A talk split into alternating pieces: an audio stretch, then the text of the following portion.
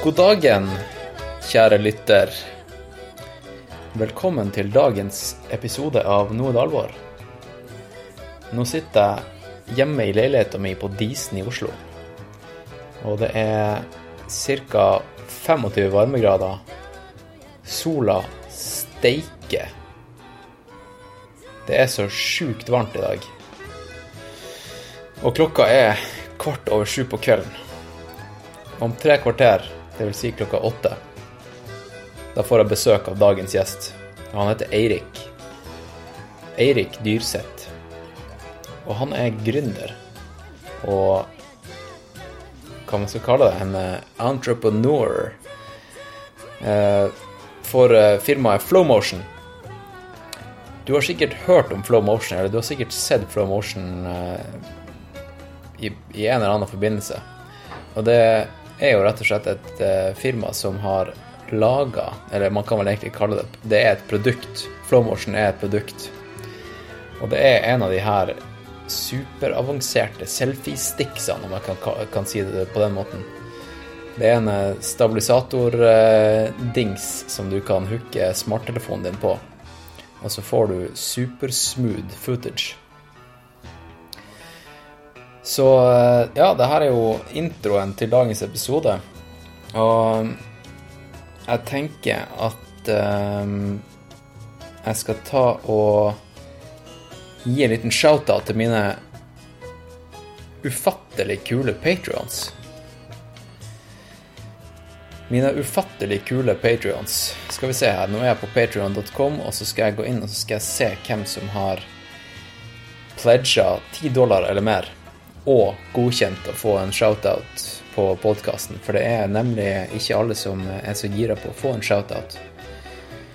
Men jeg har fem ufattelig kule patrions, og de heter Tor Erik, Jørgen, Paul, Markus og Margaret. Så tusen takk. Det er Altså, det kommer så sykt godt med de her pengene her. Det ikke bare hjelper det podkasten, men det hjelper jo meg finansielt for å kunne holde på med min idrett, som er ultraløping. Og det er jo på en måte Det som er litt av greia her, er jo at jeg lager podkast. Jeg jobber deltid. Altså, jeg har en annen jobb som gjør at jeg får inn litt cash. Men på sikt så har jeg lyst til at podkasten skal på en måte veie opp for den tapte inntekta. Som gjør at jeg kan drive med podkasting og ultraløping.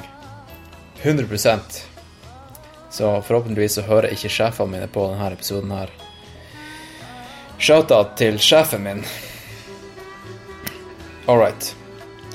Dagens gjest, han heter som sagt Eirik. Og han kommer straks opp til leiligheten min på Disen. Jeg tror vi skal, vi skal sette oss på verandaen siden det er så bra vær, og så skal jeg ta ut vaffeljernet ut på verandaen. Og så har jeg ei røre stående her nå som jeg faktisk starta med å lage i morges. Og jeg skal fortelle deg hva, hva som er i den røra her. For det her, det her bestilte han. Han så at jeg lagde noen sjukt avanserte eh, Hva man skal kalle dem? Det er på en måte en, en utvikling av, av havregrøt og, og pannekake som jeg har gjort om til vafler. Fordi hun mamma ga meg nemlig et vaffeljern her om dagen. Fordi hun mente at gjestene mine i Noe det alvor fortjente vafler og ikke pannekake. Fordi jeg, hun mente at det var waste of tid å stå og steke pannekake. Så det er jo mer effektivt og litt kulere å kunne servere, uh, servere vafler til, til gjestene mine. Men ja, uh, oppskrifta. Nå skal jeg si deg oppskrifta.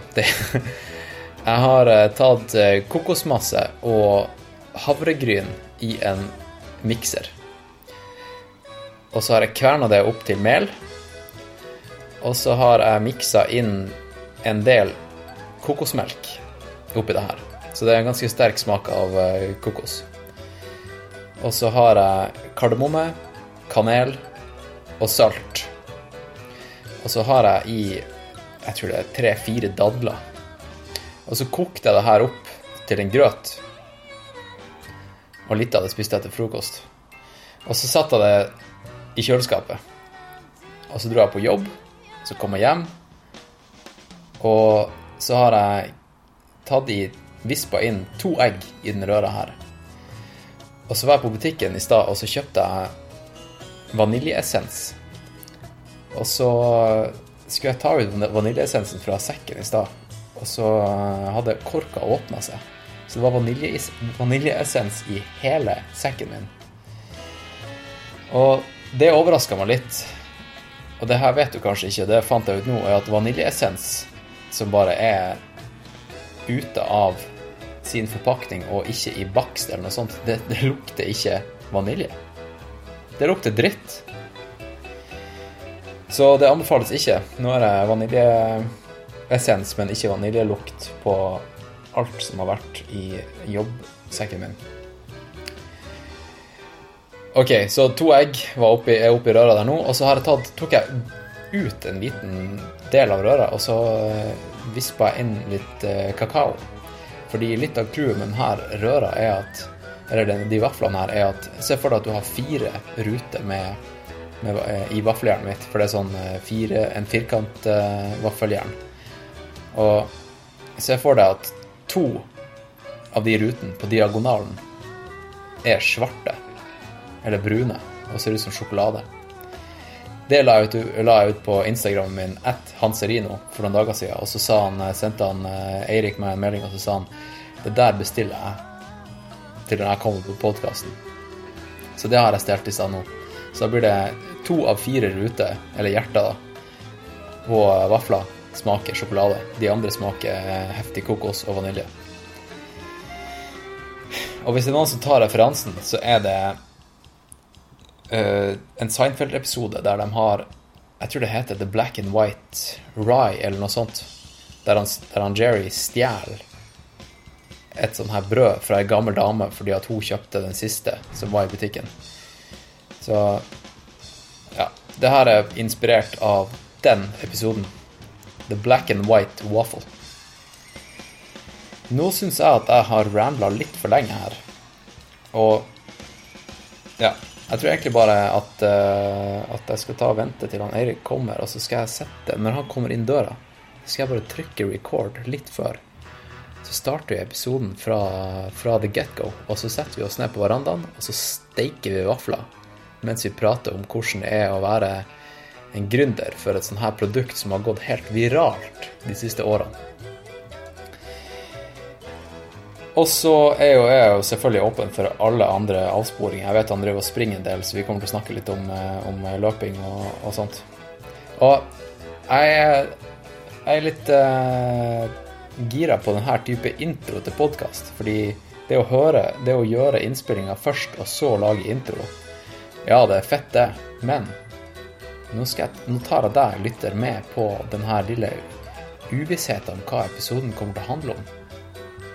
Jeg har sendt han Erik en liten agenda, for han, han ville ha en agenda, men det Jeg er åpen for alt. Jeg er åpen for alt. Og jeg kjenner jo ikke han Eirik, så det her blir jo kjempespennende. Nå skal jeg og Erik bli kjent.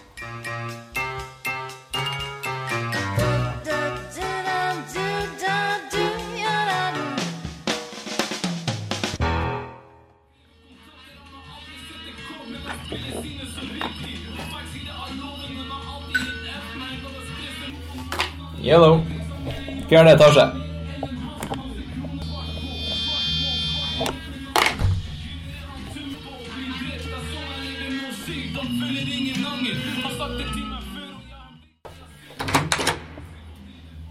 Skjer det?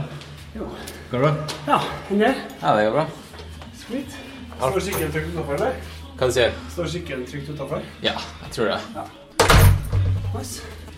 Ja, det var ikke lang eh, tur. Nei, det var ikke det. Det var jævlig kort, ass. Ja. Så det er bare Kult. Nå har jeg rigga til på verandaen. For det, det er jo såpass bra vær at det er ikke vits å sitte inne. Så jeg bare tok alt som står her, og bare satt ut med vaffeljern og alt. Shit. Så sykt hyggelig. Når jeg kom syklende her, så satt jeg håpa at du hadde terrasse her i sola. Ja, ja. Det er helt konge. Ja, det er helt, oppers. helt toppers. Mikk er det, da. Ja, Er det bra greier der? Den er helt OK. Det er liksom entry level, da. Eller sånn um, entry pluss. Det fantes ja. Det fantes én under i pris. Så tenker jeg det er aldri vits å kjøpe den billigste. Nei. det Uansett. bruker å være dårlig idé. Da, da ender det alltid opp med å kjøpe en ny uansett. Ja. Det er jo ikke Det er jo ikke um, vind på selve mikrofonen, så det er jo bra. Trivelig med podkast, ass. Ja, det er faen meg det beste, altså. Ja, ja. Og det, det er jo Jeg jeg har sagt det før også, men det er jo en jævla bra mulighet til å bare bli kjent med nye folk. Skal vi se. Nå, eh, Eirik, skal jeg ta og nå, start, nå kan vi bare si at nå er det alvor. Ja. Vi er Nå er det alvor. soft, soft start. Yes. Vi sitter på verandaen min på Disen, og nå skal vi steke vafler. Og så skal vi spise dem, og så skal vi snakke litt. Det blir digg, ass. Hva har du laga vafler av her, da? Ja, for det, det som var greia, var at jeg er ikke sikker, men jeg, jeg skal Jo, jeg, jeg, er sikker, jeg er sikker. Jeg er sikker. Jeg er veldig sikker. Men det jeg gjorde før du kom, var at jeg spilte inn intro. Alright. Og da sa jeg til lytteren hva jeg hadde oppi. Okay. Så jeg kan gi deg en eh, kjapp En kjapp uh, brief på hva som er oppi her. Ja. Så har du den, eh, den kule, lille svarte grøten på sida her. Ja. Bare så lytteren skjønner. Nå har jeg to containere i hendene. Det er en sånn, en liten, litt større balje. Og en et eh, Hva man skal kalle det her, da. Skål, Ei kanskje? skål Ja. med, med litt mørkere røre. Og det er egentlig bare samme røra, men med kakao. Uh. Og grunnen til at jeg lagde den, det var fordi du bestilte den. Ja, Fordi du så at jeg postet den på Instagram. jeg gjorde det. Men jeg kan jo fortelle deg historien til den her. Ja. Og det er jo inspirasjon fra Kanskje du tar referansen fra Seinfeld. Har du sett mye på Seinfeld? Jeg har ikke det, Altså. Nei, ok. Da, da skjønner du ikke det. ja, greit. Men kanskje lytteren eh, gjør det, for jeg fortalte lytteren om den referansen i stad. Ja. Så da tror jeg vi bare kjører i gang, og da tror jeg eh, vi skal ta to av fire eh, av de her hjertene her skal være hvite. Ja. Og eh, de andre to skal være svarte. Er det for å være politisk korrekt, eller? Det er jo for å ikke tråkke noen på tærne. Ja, smart. Faen, rutt, ass. Så da gjør vi det. Kan ikke du mens eh, Skal vi se, nå kommer det sikkert litt lyder her. Ja. Det her blir spennende.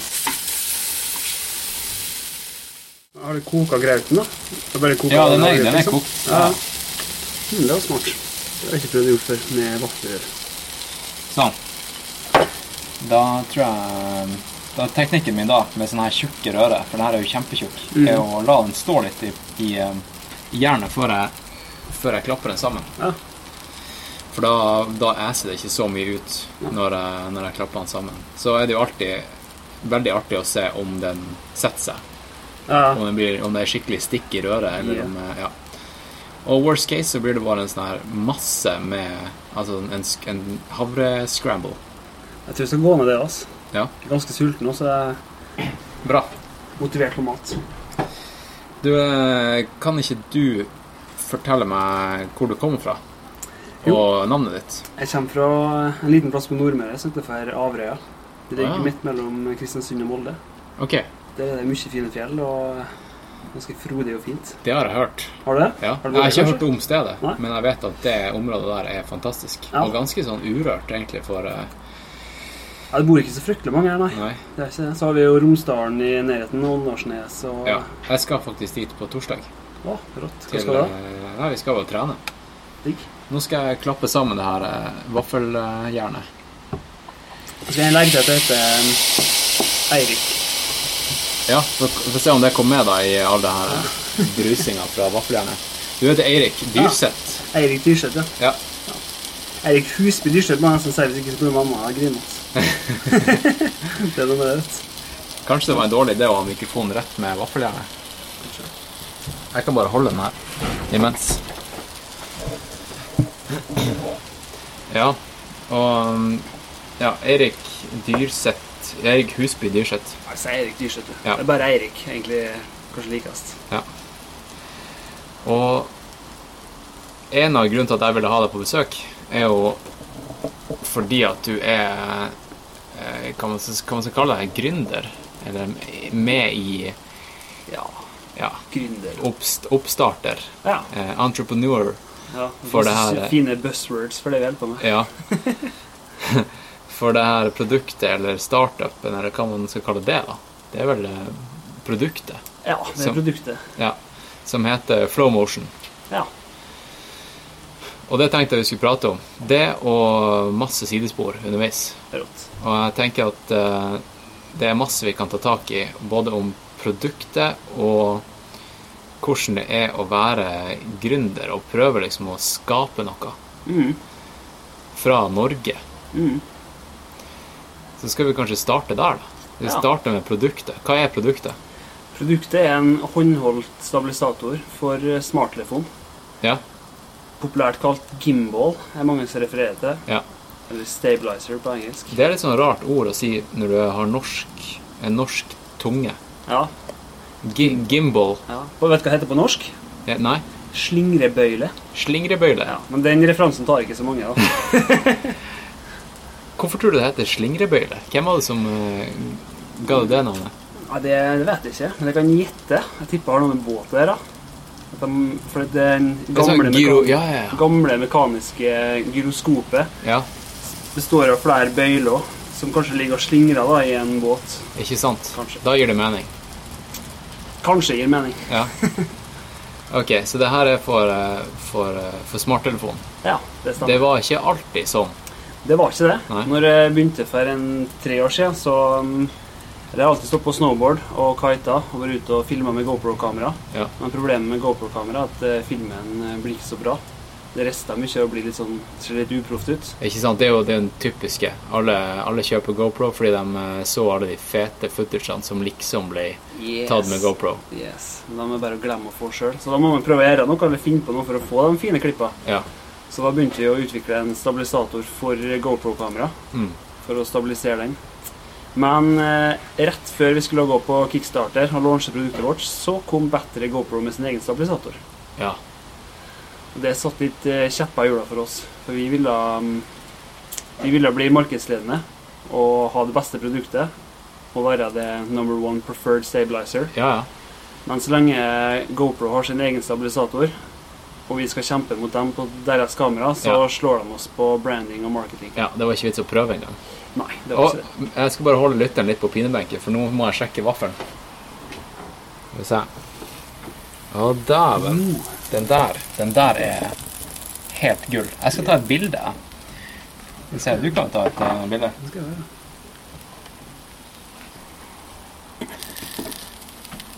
Kanskje vi skal la den stå litt til, så han blir litt sånn ekstra crispy. Ja. Oh. Sjukt trivelig, altså.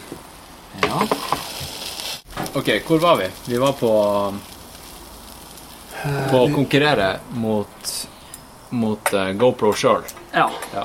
Jeg trodde det kom til å bli vanskelig. Selv om vi kanskje har fått til å lage en stabilisator som var bedre enn GoPro sin, så ville nok eh, flesteparten kjøpt GoPro-stabilisatoren fordi at det er GoPro. Ja. Det Ja. Vinn på branding og på marketing overfor for oss. Ja, og så føles det jo trygt, sant? Ja, det gjør det. Ja. Har du en GoPro, så kjøper du liksom utstyret til GoPro. Ja, Seff gjør det, men tenk det, det ville sikkert jeg gjort òg. Ja. Uansett hva Ja, man gjør gjerne det. Så da tenkte vi at ja, hva gjør vi da? Jo, da laga vi for smarttelefon i stedet. Ja. Det var dit vi ville komme til slutt, egentlig, fordi det markedet er så enormt. Alle sammen har smarttelefon, og folk vil fange øyeblikkene sine. Og markedet er jo, ja, som jeg sa, enormt. Så det er en veldig fin, fint marked å gå inn i. Så da begynte vi å lage for det. Ja. For jeg, jeg, jeg husker jo Fordi det er jo sånn jeg egentlig ble kjent med, med, med dere. Og produktet var Jeg jobba jo i et firma som heter Eggs Design, Ja, som, som dere brukte. Mm. Jeg var aldri involvert i det prosjektet, men det var sånn jeg på en måte ble kjent med produktet. Og da husker jeg da dere to, bare tok en helomvending og sa vet du hva, fuck de her eh, GoPro-kamera spesifikt for Altså å lage et produkt spesifikt for det. Vi går for alle smartphones. Eh, og jeg husker jeg tenkte at det var, det var sikkert sykt smart. Ja, Jeg tror det var en, en bra move. Hva du tenker om det nå, da? Ja, vi er kjempeglade for at vi gjorde det. Ja. Det har medført veldig mye etterarbeid og mye, en veldig kronglete vei. Det viste seg å være litt vanskelig å lage for smarttelefoner enn hva vi først så for oss, men eh, vi er kjempeglade for det nå, ja. Ja. Og dere har jo fått eh, Dere lanserte jo hele dette produktet som en crowdfunding-kampanje. Mm. Um, hvordan er det med Hvordan er ståa nå?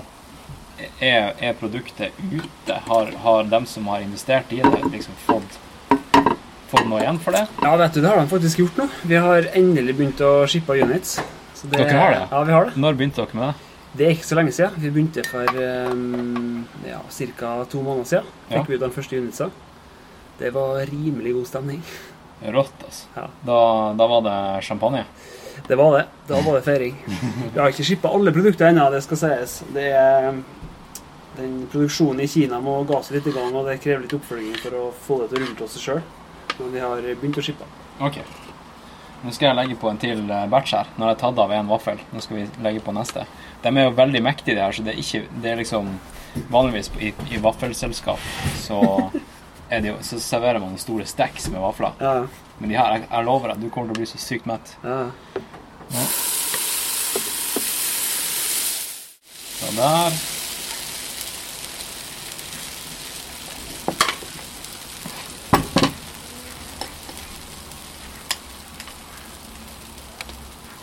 Jeg anbefaler at du har på litt peanøttsmør. Mm. Egentlig alt som er her. Det er peanøttsmør, og så er det geitost, og så er det litt blåbær. Og det er geitost òg. Ja. Har du noe å ta peanøttsmør med? Ja. Sweet. Ok, så de her, er, dem som har investert i, i produktet deres, Mm. de har nå begynt å få det de har kjøpt. Det har de. Hvor lenge venta de? De har venta lenge. De har venta over et år. Ja. Vi hadde kampanjen eh, overgangen 2016 til 2017. Mm. Den var ferdig 10. januar, tror jeg.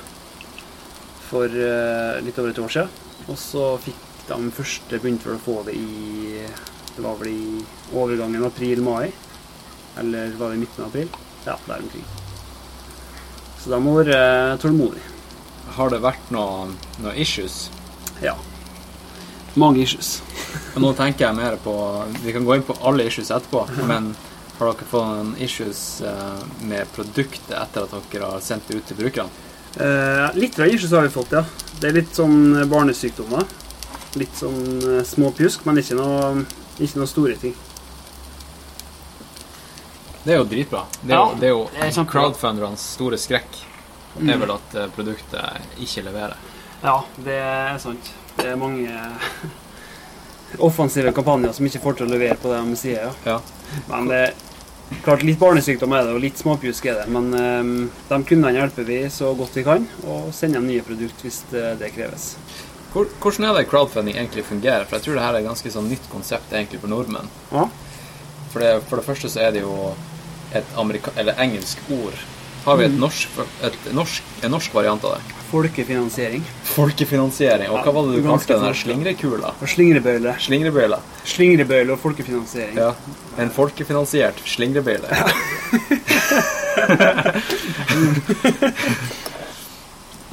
ja, hvordan er det egentlig fungerer? Det, alle de fleste har jo hørt om Kickstarter. Ja. Er Kickstarter er den største sånn crowdfunding-plattforma ute der nå. Ja. Mm. Det fungerer på den måten at la oss si at jeg og du sitter her nå litt lenger, og så kommer vi på en god idé. ja.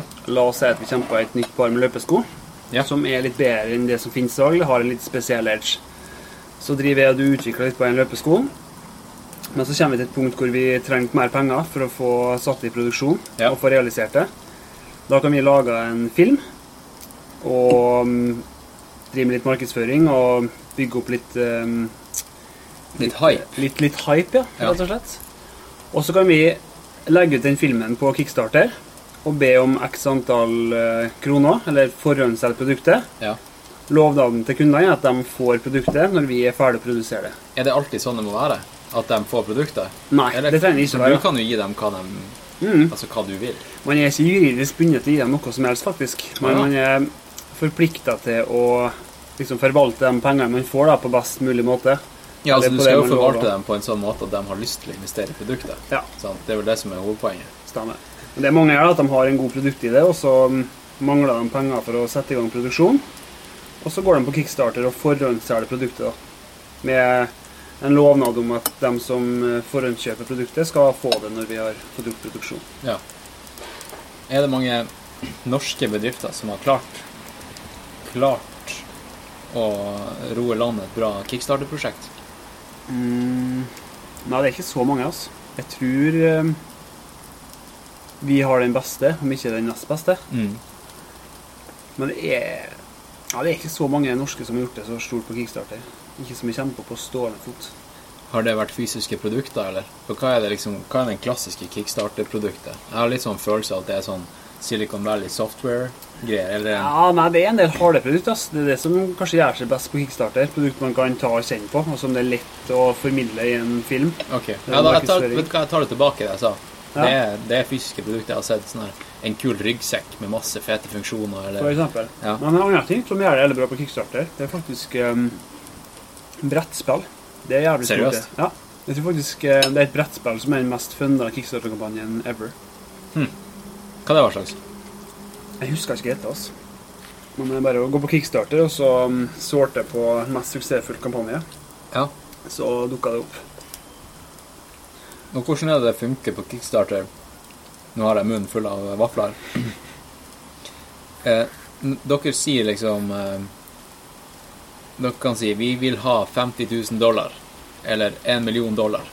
Ja, det vil si Og- at vi, um, vi um, forteller dem hva produktet er for noe, så sier vi at uh, hei, dette kan du få kjøpe for 200 dollar. Dette er vår produksjonsplan, og vi estimerer at du vil få det om fire måneder, f.eks. Ja. Det er det man sånn vanligvis gjør. Mm. Er det vanlig å overselge? Ganske vanlig å overselge. Det vil jeg tro, ja. Ja, ganske vanlig. Ganske artig å dra på, så du Så det er hell for å få bra um, hype og, og markedsføring. Mm. Og så er det litt å brenne seg på det da, når man faktisk skal sette i gang produksjon og levere på det man har lova. Ja, sant. Da blir det litt grining hvis du ikke klarer å få til det. Hvordan var det der eh, Jeg regner med det var et sjokk da det begynte å strømme inn penger? Det var det. Ja. Det gikk over all forventning. Altså. For dere, dere fikk jo helt sjukt mye funding. Gikk det eh, bare sånn som et sjokk at det gikk eh, dritfort? At det bare ramla inn masse Ja, vi, vi ble sjokka over at vi fikk så mye til slutt, men vi hadde gjort et veldig godt forarbeid med markedsføring og gjort veldig god produktutvikling. Ja. Og mente vi hadde et produkt som var ganske unikt. Så vi var på en måte sjokka over at det kom inn så mye, men samtidig så hadde vi forberedt oss veldig godt. Så vi forventer også å få inn en del. Har du noe erfaring fra noen lignende prosjekter, eller var det her første gangen? Jeg hadde gjort noe kickstarter-prosjekt før nei. men jeg har gått eh, maskin og mekatronikk. Så jeg har mye erfaring med å lage fysiske ting. Det er jeg Ja. glad i. Men jeg har aldri kommersialisert noe som jeg har gjort noe med Promotion. Nå skal jeg ta av neste vafler. Ja. Shit, det var godt, Askis. Ja, var det ikke godt? Ja, fy flate. Det var helt konge.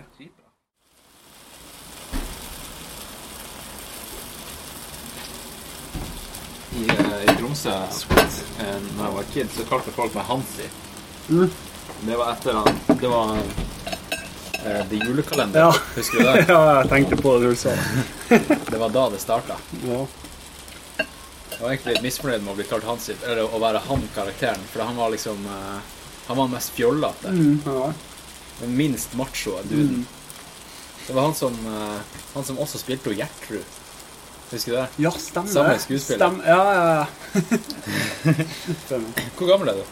Jeg er 90-modell, så da er jeg 20, 20, 27, da. Ja, du blir 28 i år. Ja. Jeg ble jo 29, så da er vi jo, Ja. da er vi jo samme Rått, da. Ja, vi er Skal, man, skal vi kalle oss sjøl millennials, eller er vi eh, litt forbi det? Ja, vi kan si det. Ja. Vi kan si det. Det går fint, det. Så du er altså 89, du, da? Ja, jeg er 89. Mm. Jeg syns kanskje at vår generasjon, som er litt eldre enn de der klassiske millennials Det er litt sånn sweet, sweet spot, for vi har vært innom både før og etter internett. Kan, Ja. du, kan du huske pre-internett? Kan du huske det? Ja, jeg kan det, ass. Jeg kan det, ass. Jeg husker Skal du på internett, så husker jeg veldig godt den fasen hvor man fikk internett, hvor vi måtte dra sånn ADSL-kabel fra kontoret til pappa til soverommet vårt for Ja. å kunne game CS. det var tider, ass. Husker du, husker du hvordan det var å, å leve leve uten internett? Altså om hverdagen. Vi var jo kids, men, men kan du huske en sånn her mental state som, som var før internett fantes? Jeg vet ikke om det er fordi at Internett ikke fantes, eller om det er fordi at det var Kid, men jeg var- husker det var ganske bekymringsfritt. Det var liksom ikke så mye å tenke på. Det var ikke en god kombo, jo- kombo, tror jeg. Ja. ja, jeg tror det. Jeg tror det er mer stress å være kid nå med Instagram og Snap og Facebook og, og sånne likes og The Black and White Waffle. Yeah.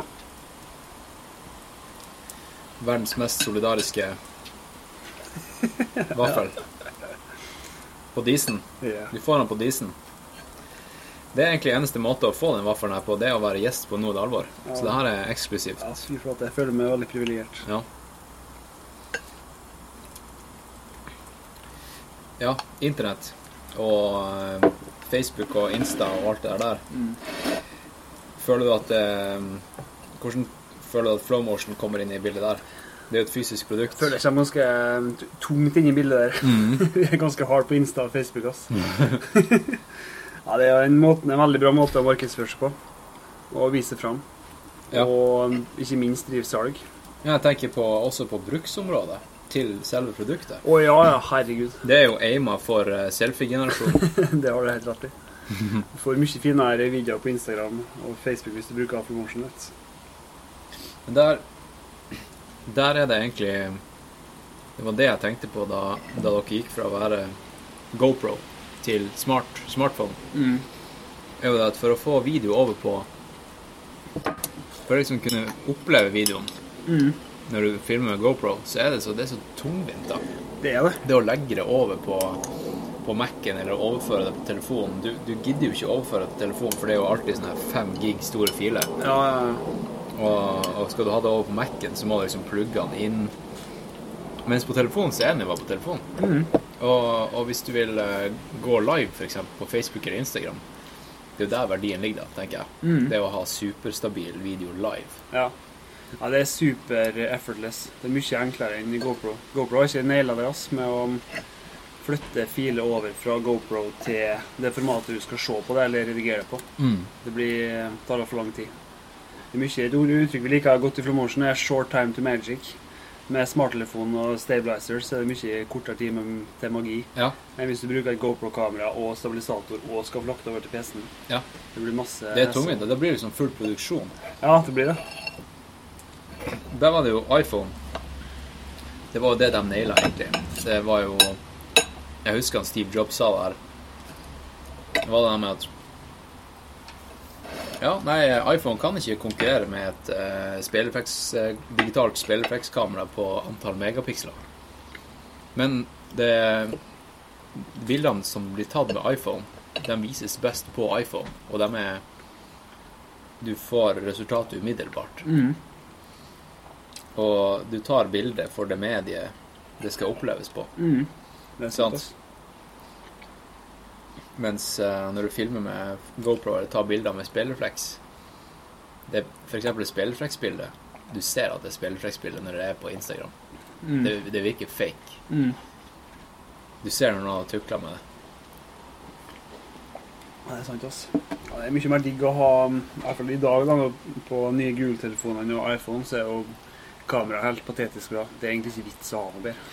Nei, det er jo ikke det. For, for de fleste. da. Ja, eller, ja, selvfølgelig det er jo vits å ha bedre for, eh, for noen, men for å ta sånn hverdagslige øyeblikk når du er på tur, eller hvis du er ute tur i byen eller på jobb eller noe sånt, skal ta noe bilde, Ja. så det er mye mer chill å plukke opp telefonen og ta bilde istedenfor å bruke eh, et speilreflekskamera. Ja, det er jeg er helt enig. ass. Men vi, vi Altså, vi i, eh, i Skyblazers, det løpecrewet som jeg er med på, Ja. eller med i, eh, vi tar jo en del bilder. Mm. Jeg syns det er veldig artig å, å ta å ta bilder og ha innhold fra stien. Mm. For jeg tror det er ganske unikt å ha fet kvalitetsfootage fra, fra, fra stien og terrenget og sånt. Mm. Så det er jo Jeg så noen fete bilder i en reportasje var ofte for litt siden, en artikkel eller noe sånt. Men jeg det var Skyblazers. Blazers. jeg tror du linka til den på Facebook. Ja, det var fra Dagens Næringsliv. Vi var oppe var i, lia og lagde en liten sånn instruksvideo. Ja. det ser helt sjukt ut. Ja, det blir det mer av, tror jeg. Mm. Sånne instruksvideoer. Det tror jeg også jeg skal ta og lage til mine patrions. Ja, For det er også et litt sånn nytt konsept det her med Patrion. Okay. Har, du, har du hørt om det? Nei, det har jeg ikke, altså. Det er jo den her tjenesten som gjør at eh, folk kan vise sin appreciation til innholdsprodusenter med å abonnere med et eh, beløp som de sjøl syns er passende oh, ja. i måneden. Ikke sant? Så for eksempel hvis jeg har noen lyttere som tenker vet, hva, hva er greia? Er, den podkasten her er så jævla bra, men det koster jo ingenting. Gjør han det her gratis, eller? Ja. Ja, jeg gjør det gratis. Ja. Men det, jeg setter pris på uh, en dollar i måneden. Og for en dollar i måneden så får man ekstra innhold. Så du får noe igjen for det, da. Så det er litt sånn der eh, Litt sånn post The Pirate Bay-generasjonen, ikke sant? Eller uh, Napster. Mm. At um, man må finne inntektskilder på litt mer kreativ, da Mm. enn å gå fra et gammelt medie som f.eks. CD- og musikkbransjen gjorde. Jeg lurer på om jeg har sett det hadde stått Patrionet på noen linker der på oss, da. Ja. Han, Louis C.K., han eh, Ja, han er standup-komikeren, Ja. han var en av de første som virkelig dro i gang det her eh, type konseptet. da. For han, han eh, lanserte en av sine standup-specials til bare sånn fem dollar oh, ja. på nettet, helt uavhengig av noen. Det var liksom Han dreit i Netflix, han dreit i Og det her var liksom akkurat da DVD var på vei ut. Men sa han fuck it, jeg legger ut uh, den her på på nettsida mi, og så kan du gi egentlig så mye du vil. Men fem dollar minimum eller noe sånt. der. Mm. Det funka jo dritbra. Han ble jo steinrik. så han var på en måte starteren, da. Ja. ja. Bra konsept. Og det er jo litt sånn som crowdfunding. Fordi da kan du gi Kan du gi så mye du vil. Du Du kan det. Nå må jeg tenke meg litt om. Jo, det tror jeg du kan. Man bruker, litt å, man bruker sagt opp bundles da, med om du kan kjøpe én Flamotion, du kan kjøpe to, du kan kjøpe tre Flamotions og to extension poles. Du kan ta med GoPro adapters, GoPro mounts. Så kan man liksom bygge seg en stor pakke. da. Ja. Jeg tror man kan kjøpe en unit òg, og så bare betale latterlig mye mer enn hva det egentlig koster. Ja. Jeg husker jeg, uh, jeg var med å funde en, eh, en snowboardfilm som heter There's Always Next Season. Ja, Har du hørt om den? det, det har jeg ikke gjort, altså. Den må du sjekke ut. Mm. Og det Er er bra. Ja, fy flate. Eller den er jo ikke, den ikke kommet ennå. Ok, nei. Men, Den er så eh, fresh, ja. men der, var, der er greia, da. Det er en som heter um, Carl Christian Størmer, som er fra Tromsø. Ja. Og han var en del av et Du kaller det et snowboard-crew, eller et miljø, i Tromsø på 90-tallet, Mm. som var helt legendarisk. Ja. Og han hadde alltid lyst til å lage en dokumentar eller en, lage en ordentlig snowboardfilm mens han var en del av det crewet her, da. Mm. De hadde storhetstida si i 1997. Mm. Men det ble aldri noe av, da. Og, så han, eh, han bestemte seg for å For å samle troppene og lage en film en gang for alle, liksom. Mm. For dem, det er jo mange av dem som fortsatt kjører. Mhm. Han ville egentlig bare bevise for verden at vet du hva, det her var ikke noe sånn her at, jeg var en liten, at han var en liten kid som bare gikk rundt og tenkte at eh, crewet hans var best i verden. De var faen meg best, altså. Mm. De samla footage fra 90-tallet. Ja. Og så bruker footage fra Ja, de har funnet, funnet masse gammel footage fra sånne Ah. konkurranser og sånn der. Ja.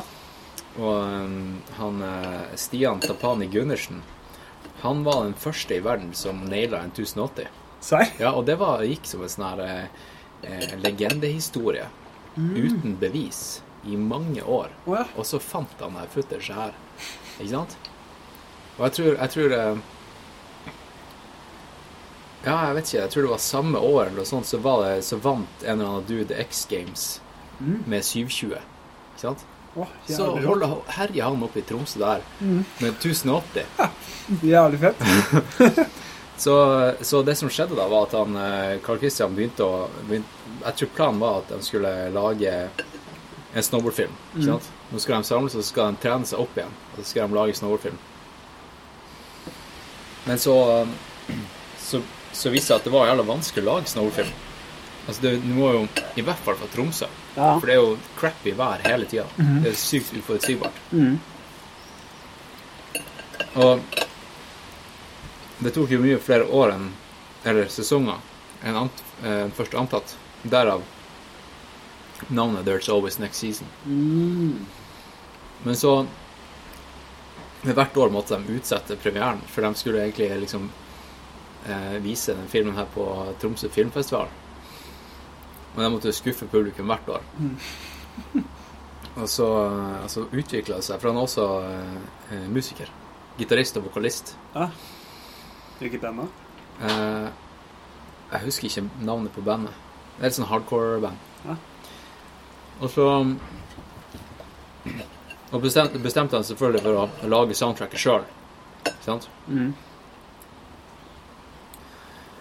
Og um, så utviklet det seg til å bli to filmer. En film som heter 1997 Forever, og en som var den der There's Always Next Season. Mm. Og 1997 Forever, den ble jo Den tok jo plutselig hovedfokus en periode. Ja. Så den avsporinga her ble jo det prosjektet. Og, og det prosjektet gikk ut på at den filmen 1997 Forever, den skulle kun vises live. Med liveband. Hva dæven. Så jeg var på Det er prosjekt. Ja. Og nå, to, nå eh, fortalte jeg litt feil, for det var 1997 Forever som var den her ordentlige snowboardfilmen. Mm. There's Always Next Season er dokumentaren. All right.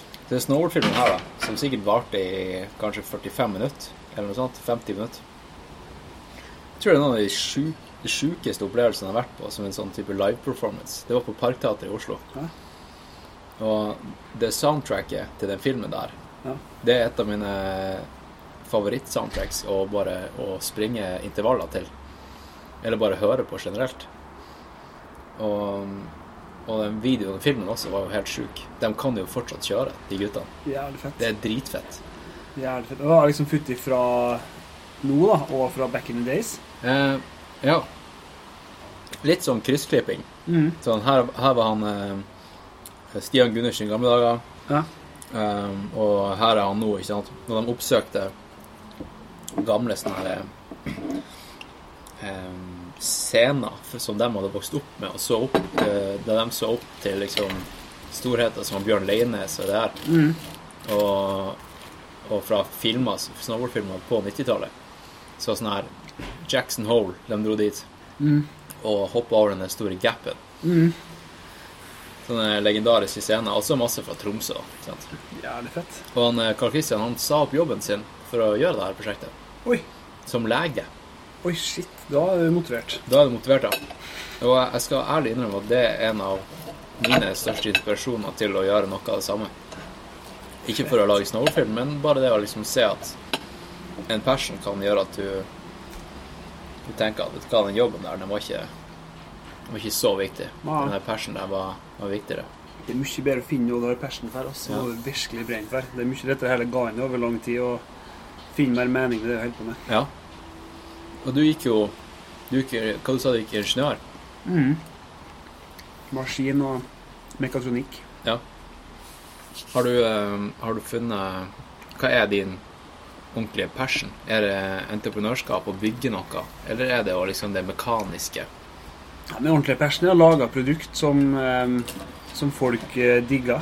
Som folk har lyst til å bruke i hverdagen sin. Ja. Lage konsumprodukt. Mm, Det er min passion. det er rått, altså. Det er dritfett. Du, det minner meg på. Nå er jo klokka snart ni på kvelden. Ja. Det er jo to timer siden den Apple-eventen starta. Apple Keynote. Så er det i kveld? Ja, det er i kveld. Jeg så det på bussen ved- på hjem. Å, helvete. Det jeg må vi ta. Det tror jeg er ferdig akkurat nå. Men uh, vi, vi kan jo ta og on, on air, holdt jeg på å si, bare sjekke hva de siste greiene Ja. var. Vi gjør det. Ja. Det hadde jeg glemt. Shit, det var bra du kom på. Jeg kan jo si i mellomtida, da. Nå har jeg tatt ut Mac-en. Jeg kan jo bare, eh, for å gi en shout-out til eh, Carl Christian og, og den der filmen jeg snakka om, ta og sjekk ut soundtracket, for den ligger ute på, på Spotify. Jeg kan linke til den i, i shownotes. Det er, det er virkelig til å anbefale. Og så tror jeg at den her um, filmen There's Always Next Season kommer til vinteren. Jeg tror den er ferdig. Jeg fikk en sånn her Kickstarter-mail Mhm. om at den var ferdig. Altså, den var godt nå, liksom, på Kickstarter. Ja, den, den ble funda på Kickstarter. Ja, fett. Hvor mye fikk de inn, da? Jeg er ikke sikker. Det er rått. Hva er best for å sjekke Apple-oppdatering? Er det Engadget eller Apple? Det burde være Apple, da. Han kommer rundt igjen. Ja, Går det rundt det på huk, den eh, Hans Christian her, for å se. Jeg tror vi bare hopper rett inn i podkasten her og sier eh, at vi hadde en fem minutter der vi bare speisa litt ut og scroller gjennom en gadget for å se hva Apple har eh, lansert nå. Og de er jo midt under den live, livesendinga. Ja. Hva du tenker Det du har sett? So far. Vi scrolla jo kjempefort gjennom. Ja, nå ble jeg litt sånn stoked. altså. Jeg håpa at de kom med noen nye harde ting, men det var bare i hermetegn bare software updates. Ja. For det er jo den her developer-konferansen nå. Mm, stemmer. Så da, det bruker jo som regel bare å være software på developer-konferansen. Jeg glemte det nå når du sa at det var Apple og greier, så nå håpa jeg at det kom nye produkter, men det gjorde ikke det. Så jeg er litt skuffa. Litt skuffa, for du liker litt overtenkt. Du liker det når det, når det er fysisk, sant? Noe, Ja. noe å ta og føle på. Ja. Den her eh, typiske Den her Silicon Valley stå på scene, pitche, Mm. den greia der. Mm. Har du gjort mye av det? I forbindelse med Jeg har gjort litt, men um, det er han godeste Didrik Dimen. Han er vår eh, pitch-konge. Ja. Han, eh, Han tror jeg har sett litt bilder av. Ja, det har du sikkert. Mye på Instagram og Facebook. Og... Er det han der eh, han der bikeren? ja, si? stemmer. Ja. Han eh, sykla BMX, vet. BMX-syklist. Ja, ja. Han hadde, og har vel for så vidt også, et eget BMX-show som passa veldig bra når vi holdt på um, og markedsførte um, promotion for GoPro-kamera. Da drev han hadde sånn BMX-tour rundt omkring i Norge, hvor han hadde en lastebil som han brukte som eh, rampe foran et stort hopp. da. Drev og turnerte, han og noen kompiser. Ja, for jeg har sett, jeg har sett på, på de sceneshowene deres jeg si, at han tar en backflip på scenen. Ja, Det er signaturmovet til Didrik. Er det litt sånn som den der eh, Pepsi-reklamen, at han holder, holder han flow motion mens han tar backflip? Nå tenker jeg på Pepsi-reklamen der han holder Pepsi på berg-og-dal-bane. Ja, stemmer. Ja. stemmer. Det burde dere gjøre med flow motion. Ja, det var fett. Jeg var skikkelig å lage en eh, promotion hvor du setter øl på, eller noe annet drikke. da. Ja. Kan man drive danse og herre rundt, og så står øla bare helt dønn ro på. Det var fett. Den vaffelen her, den var litt mer eh, Litt mer crispy. Den sto litt for lenge i jernet. Det skal vel gå an etter det, tror jeg. Den var god. Ja, den var. Vafler i, ass. Du reiser jo sykt mye. Ja. Det var vanskelig å få tak i det, egentlig. Du var jo i Kina hele tida. Hva skjer i Kina? I Kina skjer produksjon. I Shenzhen produserer vi produktet vårt. Mm. Og um, under produksjonsoppstart så må man være der. Det skjønner jeg. Hvordan, hvordan er settinga der? Hva tenker du på med Ja, settinga? nei, altså Dere har laga et produkt. Mhm. Dette produktet eksisterer jo i første omgang kun som 3D-file. Mm. Sant? Mm. For det første, hvordan fant dere en produsent? Og for det andre, hvor mange iterasjoner var det med den produsenten før dere bestemte dere for at OK, nå kjører vi ut 100 000 units? Nei, for det første så Når vi skulle begynne med produksjon og begynne å rote rundt i Kina, så fant vi, eller skjønte vi færre vi begynte med, at det her får vi ikke til sjøl. Vi trenger hjelp fra noen som har gjort det her før. Ja. Så vi har med et eh, trøndersk firma på laget som heter Protrab, som har um, hjulpet oss med å finne de riktige folka i Kina. For det er et um, virvar Det er en jungel. like. Ja, det er en jungel. da. Ja. Det er en skikkelig jungel. Så de hjertet oss med å finne de riktige folka i Kina. Finne et eh, produksjonshus som kunne lage plast og PCB-er og batteri og metall og det som er. Ja. Og så har vi da sammen med dem sikkert hatt 100 eller sikkert 200 iterasjoner før vi har kommet dit vi er nå. Ha. For dem, eh, vi hadde noen 3D-modeller som var bra. Vi hadde mange prototyper som funka. Men det å gå fra en prototype som funka, til et masseprodusert produkt som du skal pumpe ut, det er en lang reise. Du skal være rimelig sikker på at det produktet er Altså fungerer, Ja, det før skal du masseproduserer det. Ja. Klesbransjen er jo veldig sånn eh, litt shady, tenker jeg på, da. Når man outsourcer produksjon til Kina og India og sånne ting. Mm. Og Kina har jo også ikke den beste rappen med tanke på Er det Foxconn det heter, som Apple bruker? Det er et rimelig Ja, det stemmer. Hvordan, hvordan er forholdene der for Flow Motion-produksjon? Nei, vi, vi har ganske bra forhold, syns jeg. Det firmaet vi samarbeider med, er amerikansk amerikanskeid. Så Ja. det både har amerikansk og kinesisk eh, twist. Så de er ganske moderne. De er ganske ordentlige og har ting skikkelig på stell. Det skal også nevnes at eh, kinesiske myndigheter har kommet med mye strengere retningslinjer nå på produksjon og i hermetegn dritarbeid i Kina. Ja. Så det er mm, eh, Det er strengere og blitt bedre for dem som jobber på, på produksjon. Det er nice. Mm, det er der, de der skrekkhistoriene fra Foxconn som Apple brukte, Ja. det var jo dem at de ansatte tok selvmord. Mm. Ikke, det er ikke meninga å flire av det, Nei. men det er jo så sjukt. Mm. Det er man Vi har hørt det, sånne skrekkhistorier om at de hadde at de hadde safety net utafor vinduer Ja. på fabrikken, Ja. så folk ikke skulle hoppe og treffe asfalten. De traff nettet i stand. Ja, ikke sant? Det så du ingenting av. eh. Det gjorde jeg ikke. Nei. Men eh, jeg har hørt fra troverdige kilder at eh, det er praktisert rundt omkring. Det er det, ja. Dæven. Men jeg, jeg har også hørt at på Foxconn og lignende steder så er det sånn at kinesere de drar ut de, de får en sånn type jobb, og så dedikerer de liksom de neste fem årene av livet sitt til å bare jobbe, jobbe, jobbe. Eh, sende penger til familien eller setter dem på banken, Mm. og så er de ute. Ja, Sant. og gir de bare Så- helt faen. De gir faen i fem år Ja, og bare går inn i sånn jobbemodus. mm, de gjør det. Jobber liksom 20 timer i døgnet. Er det, er det sånn det er? Hvis i 20 timer i døgnet, så er de i hvert fall aldri motivert når de er på jobb. Ja. Det I Kina så har man sittet for Chinese New Year, når de feirer nyttår.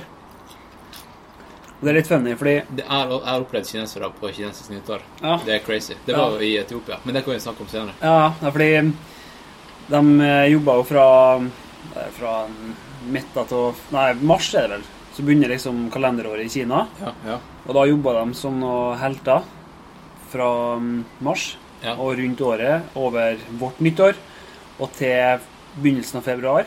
Og da er det helt fullstendig bom stopp i hele Kina. Da skal de ha ferie, alle sammen. Okay. Så de bruker å reise til de store byene for å jobbe med produksjon, som f.eks. Shenzhen eller Shanghai eller Beijing. Ja. Og så får de bonusen sin i begynnelsen av februar. Oh, ja.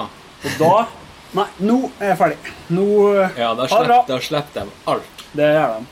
Og de, de har litt sånn rar ordning. De, Chinese New Year begynner egentlig rundt 15. februar. Det gjorde det i hvert fall i år. Ja. Men de får bonusen en rekke færre, eller ti dager i forkant. Så hvis de ikke har ambisjon om å jobbe på den plassen etter Chinese New Year, Ja. da er det nei, nå har jeg fått pengene, da ha det bra. Nå er jeg ferdig. Så bare stikk dem. ja, men da er det greit å vite det, da. Det Det er liksom den, den dagen de får bonusen, det er egentlig siste dagen. da. Ja, det er egentlig det. Så kan du være heldig og holde på litt folk i rekke til da, til det egentlig begynner, men eh, man må bare regne med at Chinese New Year det hele, hele februar. Det var jo har- Dere kan høre nå, lyttere, hvor crispy de vaflene var. I hvert fall den siste, den siste vaffelen. Um, jo, hva jeg skulle si? Jo, um, jeg tror alle land har noen sånne um, morsomme tanker rundt eh, ferie. Norge er jo ikke noe særlig bedre, egentlig. Altså Når det er sommer og bra vær. No. Alle stikker jo i totida fra jobb. Mm. Hvis det er en inneklemt dag, så sier vi jo bare fuck dere. Ja. Ja, mai nå er jo helt rå, da. Det har vært innklemt fredag nesten hver fredag, tror jeg, hele mai. Ja. Det har bare vært fri jo hele måneden. Og, og eh, da jeg bodde i Brasil, så lærte jeg jo det at eh, deres kultur rundt ferie, det var litt sånn um, Hva det var Karneval er vel i begynnelsen av februar eller noe sånt. Og um, ofte så Altså der er det vel ei uke med bare party, sant? Og siden det er i februar, så er det jo egentlig bare Det er jo bare en liten måned mellom jul og, og februar, sant? Jeg kan like gjerne bare chille den i en hel måned. Så det er nesten litt sånn eh, uskreven regel at det er ikke noe særlig produktivitet hele vinteren i Brasil. Fra, fra midten av desember til langt ut i februar. Da, er, da kan du bare glemme å få kontakt med brasilianere eller eh, Det lignende. Kjipt å gjøre business der, da. Ja, det, var, det er ikke så enkelt. Jeg husker eh, da, da vi skulle starte bare opprette bankkonto, Ja. så tok det tre måneder. Ikke sant? En businesskonto. Ja. Hva du gjorde i Brasil, da? Det var jo i forbindelse med, med Eggs, der jeg jobba før. Og det er en lang historie, men jeg kan godt dele den hvis du er gira. Ja, Seff. Og det var jo det at um, Eller jeg, var, jeg, var, jeg bodde i Oslo. Og um, jeg bodde i et ganske kjipt kollektiv på den tida. Ok. Og det var Det var egentlig litt sånn kjip periode i livet generelt. Jeg ville egentlig bare komme meg ut av byen. Jeg var gira på, på jobben min. Jeg digga jobben, Mm. men jeg var ikke så gira på å være i Oslo. Og trengte bare forandring. Og så Og så gikk jeg bare til sjefen min, og så sa jeg akkurat sånn som det var. Jeg liker jobben min, men jeg vil ikke være her i byen lenger. Jeg vil bare gjøre noe annet. Så du kan forvente at jeg ikke er her eh, om tre-fire måneder. For det er vel det som er oppsigelsestid. Så jeg sa egentlig opp indirekte. Det skjønte hun jo. Mm. Og så sa hun Men du, eh, vi er, vi, holder, vi er i en eh, prosess, og det må du ikke si til noen. Vi holder på Vi tenker vi skal åpne kontor i Brasil. Vi hadde en kollega som eh, var brasilianer, som hadde flytta hjem. Til Brasil, da. Til eh, Curitiba. Mm. Og um, jeg tenkte å bruke han som et, sånn, en kickstarter. Ikke sant? Med å ha en kontakt, og han hadde masse kontakter der. Og tenkte å bruke han som en, som en måte å, å få i gang prosessen litt kjappere. Mm. Og grunnen til at vi skulle starte i Brasil generelt, var egentlig bare fordi at, eh, at eh, de var gira på å prøve ut Sør-Amerika som marked. Mm. Og så um, Ja, hun sa det at eh, vi holder på å åpne kontor der. Er du gira på å være med? For da, kan de, da kunne de beholde meg i, i bedriften, og Mm. jeg kunne få det som jeg ville. Sweet. Og jeg tenkte ja, Brasil, det høres jo ut som eventyr. Jeg hopper på. Jeg hopper på. Mm. Og så var vel det her sånn Jeg tror det var i slutten av oktober eller noe sånt at eh, jeg faktisk dro til, eh, til Brasil. Og um, i mellomtid så hadde jo jeg sprunget Tromsø Sky Race. Første, første gang jeg sprang en sånn type race. da. Mm. Så jeg hadde funnet løping i mellomtida sånn på ordentlig. Jeg hadde prestert bra i racet og, og fant liksom ut at shit, jeg kan gjøre det bra i det her. Mm. Så, men jeg dro nå til Brasil, og, um, og så tenkte jeg ja, Sør-Amerika, det blir sikkert dritfett å trene, trene der, ikke sant? Ja. Kom jeg til Curitiba, dritflatt. Sånn, det var den flateste byen i verden. Ikke sant? Bare en sånn storby. Med du kunne bare se høye bygninger overalt. Mm. Og, og fra leiligheta øh, så, så var det utsikt. Du kunne liksom se langt borte noen fjell. OK. Det var to timer å kjøre til fjellene. Oh. Og øh, ja, nå, nå sporer jeg av, egentlig. Nå fortalte jeg og Jeg skulle egentlig fortelle hvorfor jeg dro til Brasil, men uh, uh, ja. ja. Business i Brasil. Mm. Det viste seg å være kjempeseigt. Ja. alt tok lang tid. Så da, i mellomtida, da, mellom slagene, med å liksom prøve å starte opp en, eh, en business her, Mm. eller i Brasil, så, um, så jobba jeg for norske kunder. Akkurat som jeg gjorde i Oslo. Oh, ja, Så jobba jeg ok. i Brasil. Men du var bare remote, da? Jeg var bare remote. Ja. Jeg hadde hjemmekontor fra Brasil. Mm. Og så ringte jeg sjefen og sa sånn her Det her er ikke Det her er ikke optimalt. eller Jeg ser ikke at det kommer til å skje så veldig mye så veldig fort. Og jeg er produktiv herfra. Mm. Så jeg kan jo egentlig være hvor jeg vil. Jeg trenger ikke være i Brasil. Mm. Jeg regretter om jeg reiser litt videre? Så da, da sa jeg eh, takk og farvel til Brasil og, og, og planer der, så dro jeg til eh, Peru Ah. og uh, jobba remote i fjellene fett. Der, da. Og sprang Ja. i fjellet. Når var det her, da? Det her er vel tre to-tre år siden. Ja.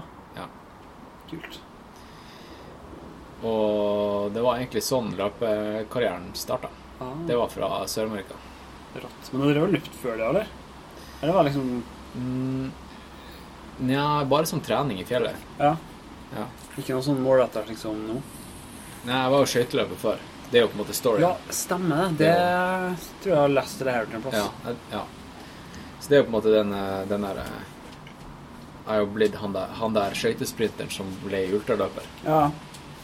Det er, min, det er min story. Mm. Og det var storyen om Brasil og, og greia der. Vil du ha litt te, eller? Gjerne. Ja. Nå har vi eh, Det her er tagning to. Eller det er jo ikke tagning to, for det er ikke sånn at vi prøver på nytt. Men det Skal vi kalle det eh, andre kapittel, eller eh, Hva de sier i teaterverden? Altså akt to. Akt to, det er det de sier. Det er kanskje det. Ja. Eh, ja, vi hadde en litt sånn her uh, kjøreplan, egentlig. Ja. Du ba jo om det i forkant. Så bare se hva vi har vært innom, og hva, hva vi mangler nå på den. Ja. Jo, den har vi, den har vi, den har vi. Ja, det var én ting. Ja. Eh, det, det der produktet her, det er jo det Dere markedsfører det jo mye som uh, mot ekstremsport og sånt. Mm. Litt. Ja. Litt sånn som GoPro har gjort. Mm. Føler dere noe ansvar for eh, For på en måte det å pushe Pushe folk til å, til å sprenge grenser med liksom å, å filme ekstreme ting? Nei, vi gjorde kanskje det på sett og vis til å begynne med når vi eh, markedsførte mot eh, GoPro-kamera. Ja. Men eh, nå når vi gjorde om til smartphone, så prøver vi i hvert fall så godt vi kan å skyte mye bredere enn bare ekstremsport. Ja. For den gjennomsnittlige brukeren han kan være at han driver med ekstremsport, men det er veldig mange andre også som ikke driver med, som likevel kunne tenkt seg å ha en stabilisator. Ja. Så det ekstremsportstempelet henger kanskje litt igjen fra GoPro-tida vår. Det kan være. Det kan også være at det var jeg som At jeg henger litt igjen, for det var da det var på den tida jeg så mye til dere. Ja, Men for jeg, jeg tenkte på det om dagen, det med uh, ansvaret som, uh, som GoPro har hatt, da. I mm. hvert fall etter, uh, hvis du vet hvem han Kilian, ja, ja. han løperne ja. Han har filma masse sånne heftige rygg, Mm. ryggvideoer og sånt. Det har jo Mm. jeg også. Mm. Og det Det er jo ikke alle som burde gjøre det, som ikke har kontroll. Nei, det er sant. Man blir ofte litt ekstra motivert hvis du putter GoPro på hodet og springer. Ja. Skal gønne litt ekstra. Du gønner litt ekstra, for Ja. du får en sånn liten rus med tanke på liksom Å, med det her Bare jeg overlever det her, så kommer det her til å gå viralt. Mm -hmm. Det blir det fete klippet! Det blir det fete klippet. Og i Ja. hvert fall med denne vidvinkelen her, så tar det, kommer det til å se så badass ut. Mm. det får man godt poeng. ass. Ja, Det er mange som har skada seg fordi at de har kjøpt GoPro-kamera. det er nok det, altså. Det har vært en sjuk statistikk å sette tall på. Ja, for det, det finnes jo garantert ikke statistikk på. Og sånn her dødsårsak, GoPro, Ja. det finnes ikke. Nei. Jeg tror det har sin skyld. ass. Tror det er mange som blir litt overtent når de får på sånn GoPro-kamera og setter utfor. Ja. Og så i pausen her nå, så så, så vi litt eh, klipp, eller litt sånn litt teasers fra den Apple-eventen som pågår nå. Den er live nå. Du var mest gira på, på hardware, så den software-oppdateringen her var ikke så, så juicy for din del. Nei, Ikke så veldig. Men den tech-bransjen Har du vært en sånn tech-dude fra, fra liksom 90-tallet, fra du var liten? Har du alltid vært eh, Ja, gira på, på, på datamaskiner og sånt? jeg er ikke så mye på data. Litt, kanskje. Det har Ja. sånn datanerd, nei. Mest på Jeg husker um, storhetstida mi på 90-tallet var Lego Mindstorms, husker jeg. Det var det, ja? Husker du det? Ja, ja. Det var helt, Ja. helt konge. Pappa drev og jobba med data og programmere og sånn, så han kjøpte julegave til meg. òg. Ja, Men det var kanskje mest julegave til han sjøl, for han syntes det var like kjekt å holde på med ja selvfølgelig. Da kunne jeg bygge roboter som kunne gjøre det ene og andre og føle streker og Ja, ja. kunne putte på kamera og motion detection og greier. da. Det var Men det var, sånn, det var sånn vi lærte programmering på Oi, shit, hva skjedde der? Jo, det var telefonen min. Ja. Det var sånn vi eh, fikk introduksjon i programmering på der jeg studerte. Mhm. Der jeg for øvrig er lærer nå, Ja, fett. på Høgskolen Kristiania. Ja. Det var en ganske bra måte å lære å programmere. Det mindsetet om eh, loops og eh, og if-else og, og Mhm. sånne ting. da. Og så får du feedbacken så kjapt, sant? For du, du kan bygge det, og så kan du teste det ekte, Ja. og se om det faktisk funker. Ja. I stedet for at det bare er kodelinjen som kjører, med en konsoll som spyr ut data. Mm.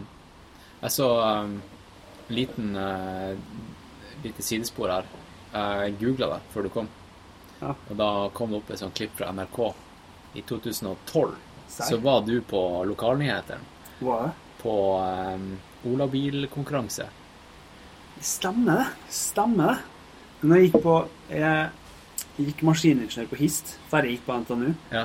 Og da var det første året så var det um, olabil eh, race. Det var et fag da, som heter produktutvikling og et eller annet. Hvor um, man skulle lære seg å 3D-modellere og lære seg å hooke ting på verksted. Ja. Og så skulle det munne ut i at vi bygde en olabil. Så skulle vi kjøre om kanta ned en bakke mens er hjemmelaga olabilene. Mm. Det var faen meg senere.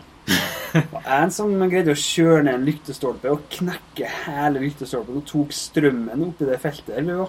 Det må ha vært tunge, he- heavy duty olabiler. ja, det var, det var ikke noe kødd, nei. Det voksne leker. Ja, den var jævlig badass. Det var en kompis av meg som eh, Jeg tenkte at eh, motor på olabilen, da, det må vi ha. Men vi kan ikke ha vanlig bensinmotor. Vi må, vi må bygge jetbil. Ja, for det så jeg også. så, Ja. Men var det ordentlig jetmotor? Ja. Vi eh, Ja, på Det var første prosjektet var det bare én jetmotor. Ja. Og han eh, Johannes Hatla, han må og sjekke ut på Instagram. Johannes Hatle Lundgaard. Han har masse fett. Eh, han lagde den olabilen først med én jetmotor, og så tenkte jeg at fuck, det må vi jo det må vi bygge litt mer på. Så Ja. han bygde en ny jetbil, da. Det var han som var frontfiguren for dem, men vi var med på den store gjeng. Da bygde vi en jetbil med to jetmotorer. Så vi fikk testa på flystripe på Værnes, og vi fikk den opp i 100 km i timen. Og da var Discovery Channel fra Canada med og filma hele greiene. Det var jævlig fett. det var det, er jo- det er jo ikke olabil. Nei, det ble ikke julebil lenger, da. Er ikke, ikke definisjonen det at den skal egentlig bare trille av seg sjøl? Eller trille Jo. nedover? Jo, Det er artig. Ingen Vi tenkte at det er artigere når det bråker. Ja, selvfølgelig. Ja. For jeg, jeg så bilder fra den, den jetmotoren og tenkte tenkte det er jo bare flammer for at det skal se fett ut. Ja, ja. Mens det faktisk var en jetmotor, da Ja, det var det, altså. Det Det er rått. altså. det var fett.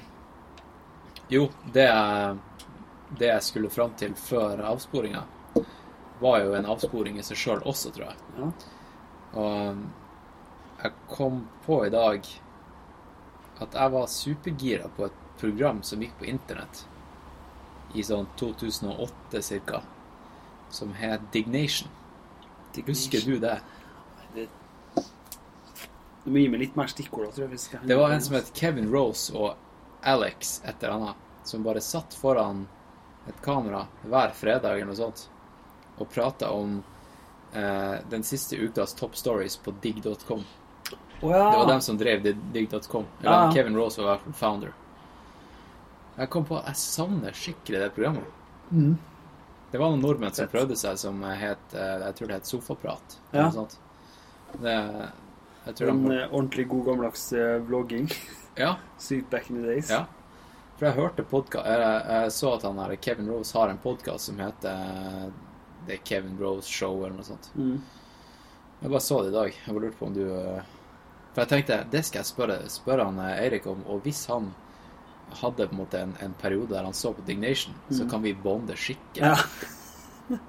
Nei, jeg var skuffa. Hva gjorde jeg da når jeg var 18 år? Og...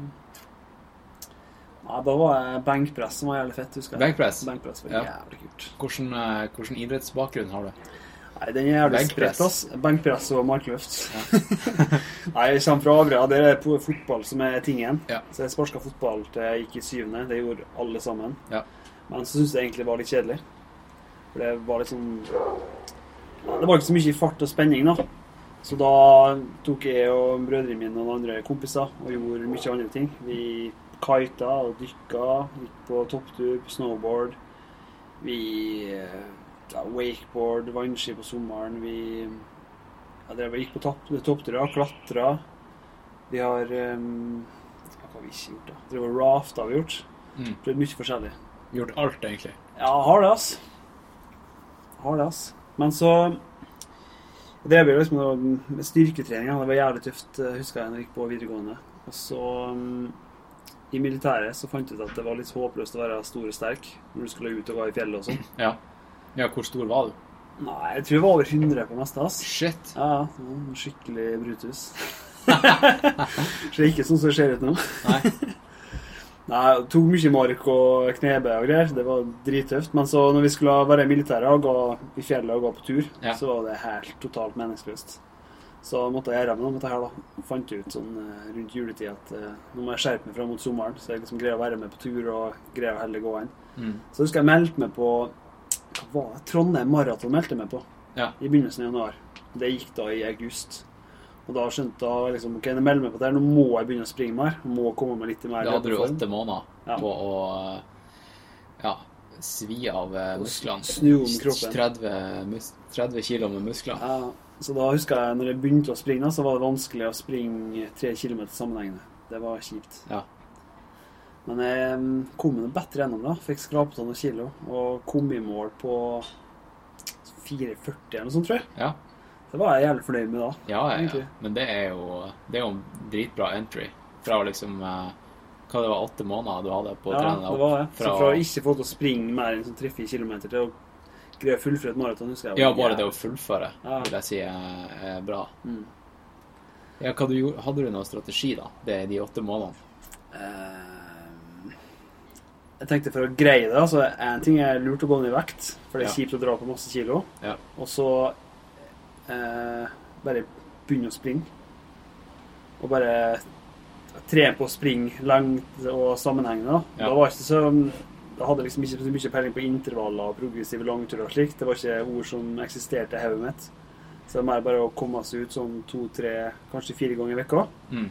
Og så bare jobbe på sakte, men sikkert å prøve å bygge opp antall kilometer jeg klarte å springe. Det er jo den beste strategien. Ja. Det, det det er nok eh, ganske fort gjort å drive og kludre det til med sånn her eh, Å sette ting for mye i system, tenker jeg. Mm.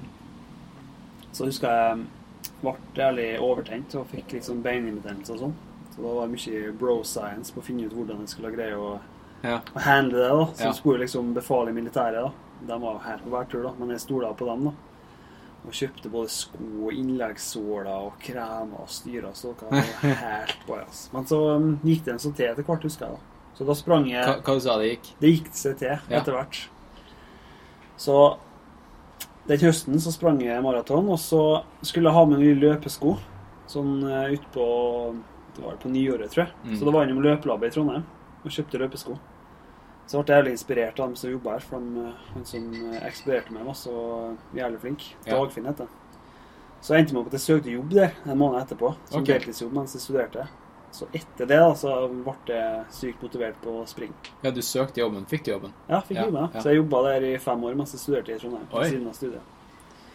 Så da ble jeg mm, ganske motivert på å springe. Fett. Ja. Så I samme tid jobba faktisk han eh, godeste Sondre Nordstad Moen der. Ja. Han kjenner jo til ut. Ja. Så han hadde en skade i foten når han arbeidet der, så han, så han tok jobb der da for å bedrive tida sin at han ikke kunne springe så mye. Ja. Så da ble jeg ekstra motivert. Det er en sinnssykt hardtarbeidende og flink eh, kis. ja. Ja, det vil jeg tro, altså. Ja, han er helt rå. Sykt, eh, sykt dedikert. Sykt dedikert.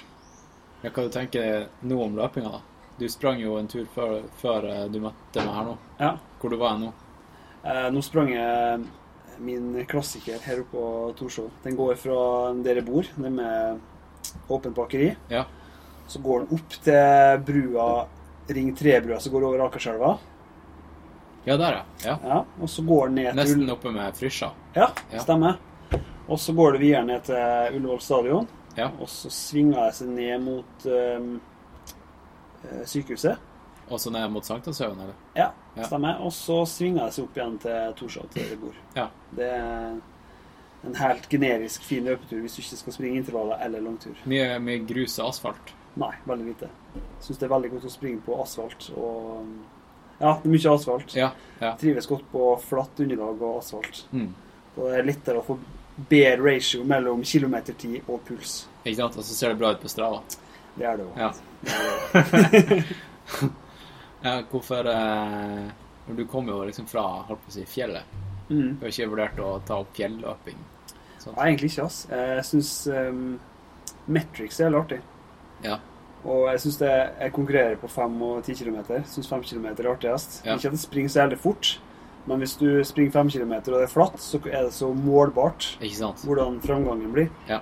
Så hvis du da kan måle puls og måle laktat, Ja. og trikse med vekt og riktig løpesko og hva du spiser og sånn, Ja.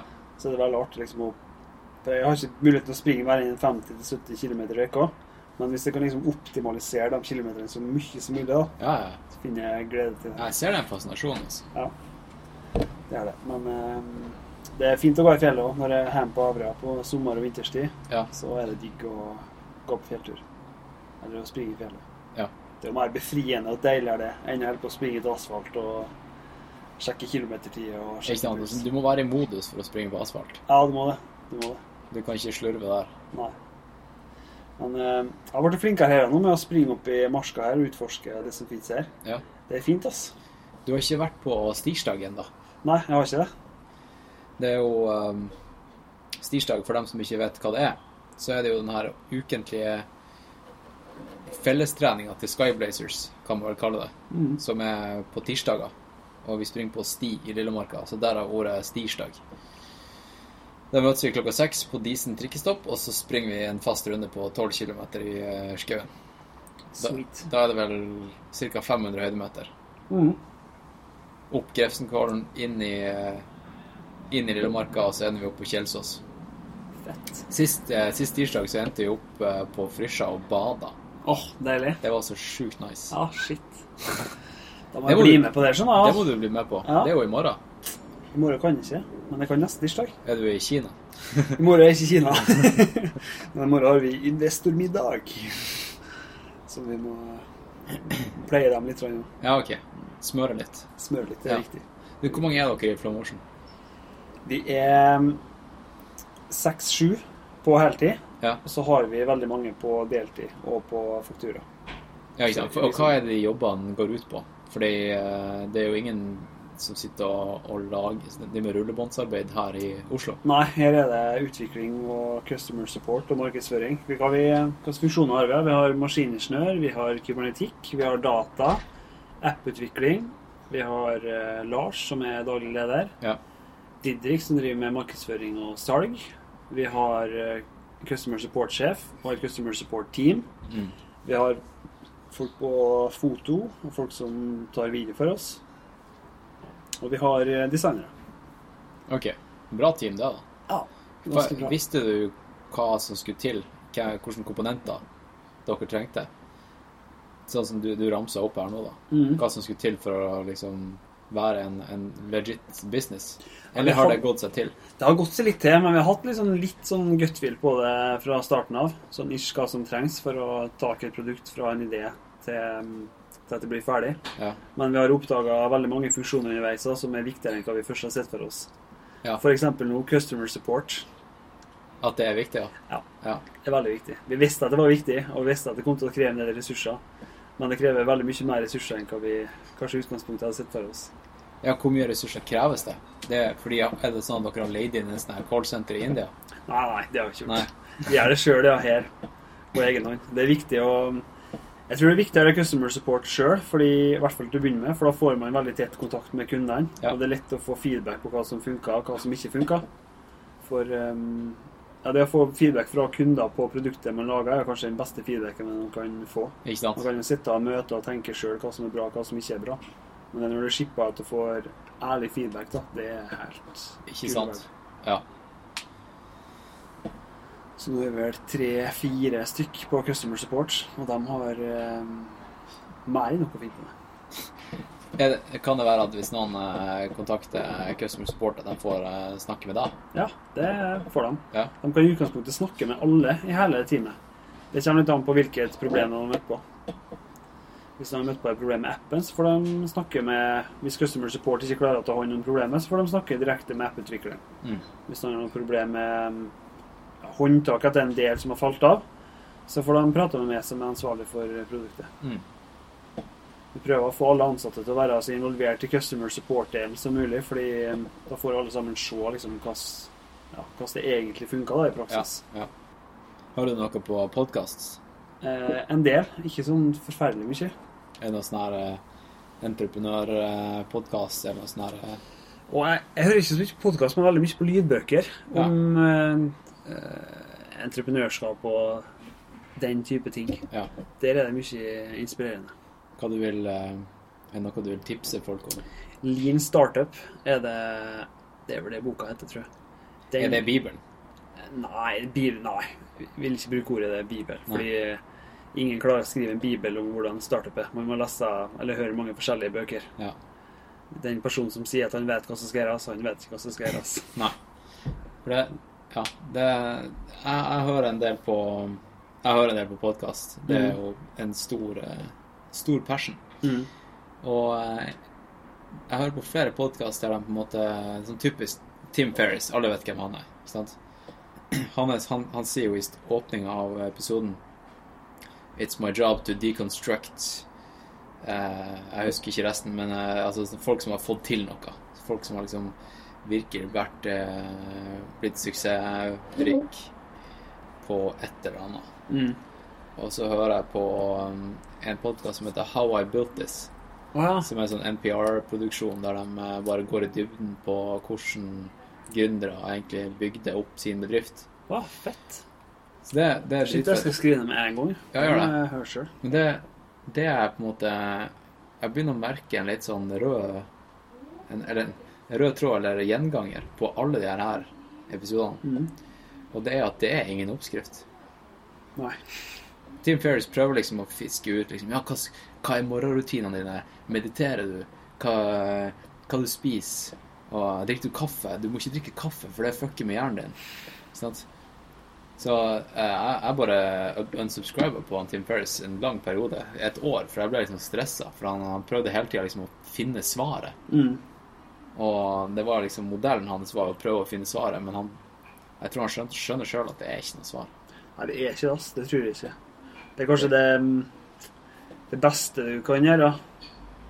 Jeg vil ikke si det engang, men min erfaring da, i hvert fall, er at det hjelper veldig mye å jobbe med noe du er skikkelig, skikkelig, skikkelig brenner for. Selvfølgelig. Som du har skikkelig trua på. Ja. Og jobbe med, jobbe med folk du trives godt i lag med, og jobbe for at du skal trives godt i lag med dem. Ja. Det er også veldig viktig. Ja. Folka du har i bedriften, er det mest verdifulle man har. Og at alle sammen har en ordentlig drive og passion for det vi driver med. Ja, ikke bare ansette folk pga. skills. Nei, ikke det, ass. Det er skills kan ta med langt, men passion tar folk eh, så langt som man gidder. Ja. Men eh, ja, den her eh, Tenker du at at dere hadde, hadde mye flaks? En kombo av flaks og passion og, og um, dyktighet? Eller er det kun passion og dyktighet? Tror du det Nei, det er nok litt flaks òg. For det er jo et sånt klassisk spørsmål som de her eh, Tim Ferris og de andre spør Mm. folk de har på besøk. Mm. Er det flaks, eller er det dyktighet? Eller er det en kombo? Jeg tror det er litt sånn kombo av flaks, dyktighet og skills, da. Ja. Perfect storm. ja, perfect storm. Men eh, flaks er litt sånn man Ofte sier man ja, han kisen der han har så mye flaks, han. Men Ja. kanskje han fyren prøver 100 ganger mer enn gjennomsnittet, da. Ikke sant? Da er det kanskje ikke flaks allikevel. Da spiller han bare statistikken. Ja. Så mm, ja, litt kombo, kanskje. Litt Ja. flaks, litt skills og Ja. litt passion. Hvor eh, Nå begynner jeg på en måte jeg er litt sånn å runde av, egentlig, merker jeg. Hvor er det folk kan eh, finne deg? Hvor folk kan finne meg? Ja, sånn på sosiale medier. Zoome. Ja, Finn meg på Instagram og Facebook, da. Mm. Jeg er ikke sånn superaktiv på Instagram. Ikke på Facebook heller, egentlig. Den finner jeg på Strava. Finn på Strava. Det er jeg Ja. aktiv. Det logger jeg alle turene mine. Ja. Så det må vi følge med. De som kan. Ja. Så kan vi følge Promotion på Instagram òg. Der har vi masse fete bilder og masse kult eh, content. Hvis Ja. man vil eh, la seg inspirere. Den mest pålitelige kilden man kan finne, er vel Strava, tror jeg. Strava. ja. Springer jeg ofte. Strava lyver ikke. Nei, det er ikke det. Den er ærlig. Så finner vi på Stitirsdag neste tirsdag. Du mener stirsdag? Stirsdag, ja. Ja. Stirsdag. Ja, men det er fett, altså. Ja. Eh, jeg føler vi egentlig snakka litt for lite om løping. Ja, det har vi gjort. Det har du noe med på hjertet, eller? Var noe vi virkelig glemte? Jeg snakka lite om løping, ja, det er litt kjipt. Det kunne jeg tenke meg å prate mye mer om, egentlig. Ja. Men det kunne vi kanskje stått til neste omgang, hvis det er på tide å runde av nå. Nei, altså for min del trenger vi ikke runde av. Ja. Jeg er jævlig nysgjerrig på hva som scorer på laktatmålingen via tomålingen. Ja, for jeg holdt jo det skjult på Ja, du kan klippe bort det nå. det, Ja, det kan vi ta på i The Post Show. Ja. For det, det gjorde jeg sist. Det er på um, eh, Sist podkast. Da Ja. hadde jeg en post, post show Ja. som jeg bare releasa til mine patrions. Å ja. Ja, ja. Eh, Nice. fordi trenden er jo at når jeg har hatt folk på besøk her, eller eh, sånn som sist, så var jeg hos en som heter Bjørnar. Mm. Eh, og trenden er at vi trykker på 'stop recording', og så så er det som å liksom ta av seg en stor ryggsekk, Mm. og så begynner samtalen for reals. Ikke sant? Så da var planen min sist at, uh, at jeg skulle trykke på 'start recording' igjen, rett etter. Stopp. Mm. For å liksom få den her snacks-praten. Det var akkurat det som skjedde. Vi prata vel tror jeg en halvtime eller noe sånt. Men tidligere så um, så prata jeg og, uh, og Margrethe, den episoden, og Ultra-Margrethe. Den episoden tror jeg varte i tre timer. Vi satt i tre timer til og prata. Men da recorda jeg ikke. Men da, da sa vi etterpå liksom Shit, har det gått tre timer til? Det skulle vi recorda, for det var en dritbra samtale. Ja, ja. Så det, det kan vi gjøre. Da kan jeg, da kan jeg, rele- da kan jeg si hva min VO2 Max-verdi var til mine patrions. ja, rått. Det er jævlig nice twist. Skal vi se, kanskje jeg kan dra opp en tabell og bli et metric. ja, splits. Det er helt konge. Fett. Litt mer løpeprat i postshow, da, folkens. Så, så runder vi av. Eh, da sier jeg over og ut Roger og Knut fra Disen. Snakkes.